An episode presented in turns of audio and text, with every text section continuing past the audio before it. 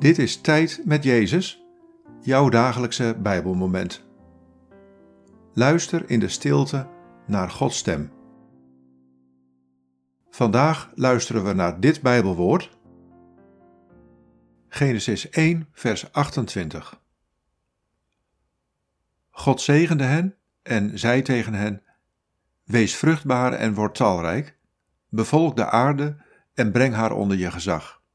Heers over de vissen van de zee, over de vogels van de hemel en over alle dieren die op de aarde rondkruipen. Wat valt je op aan deze woorden? Wat raakt je? God zegende hen en zei tegen hen: Wees vruchtbaar en word talrijk, bevolk de aarde en breng haar onder je gezag. Heers over de vissen van de zee, over de vogels van de hemel en over alle dieren die op de aarde rondkruipen.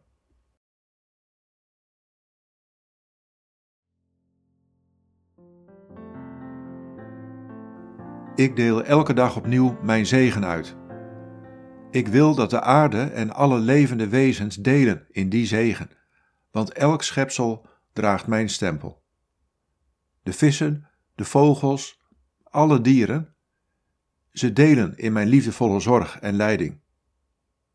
Wees een gezegend mens en wees tot zegen voor alles wat leeft.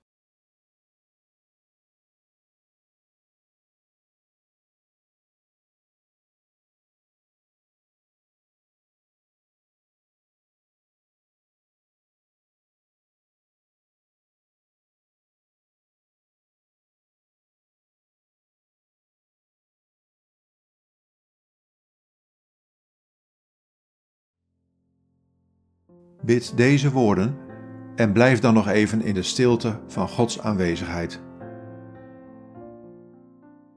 God, maak mij tot een zegen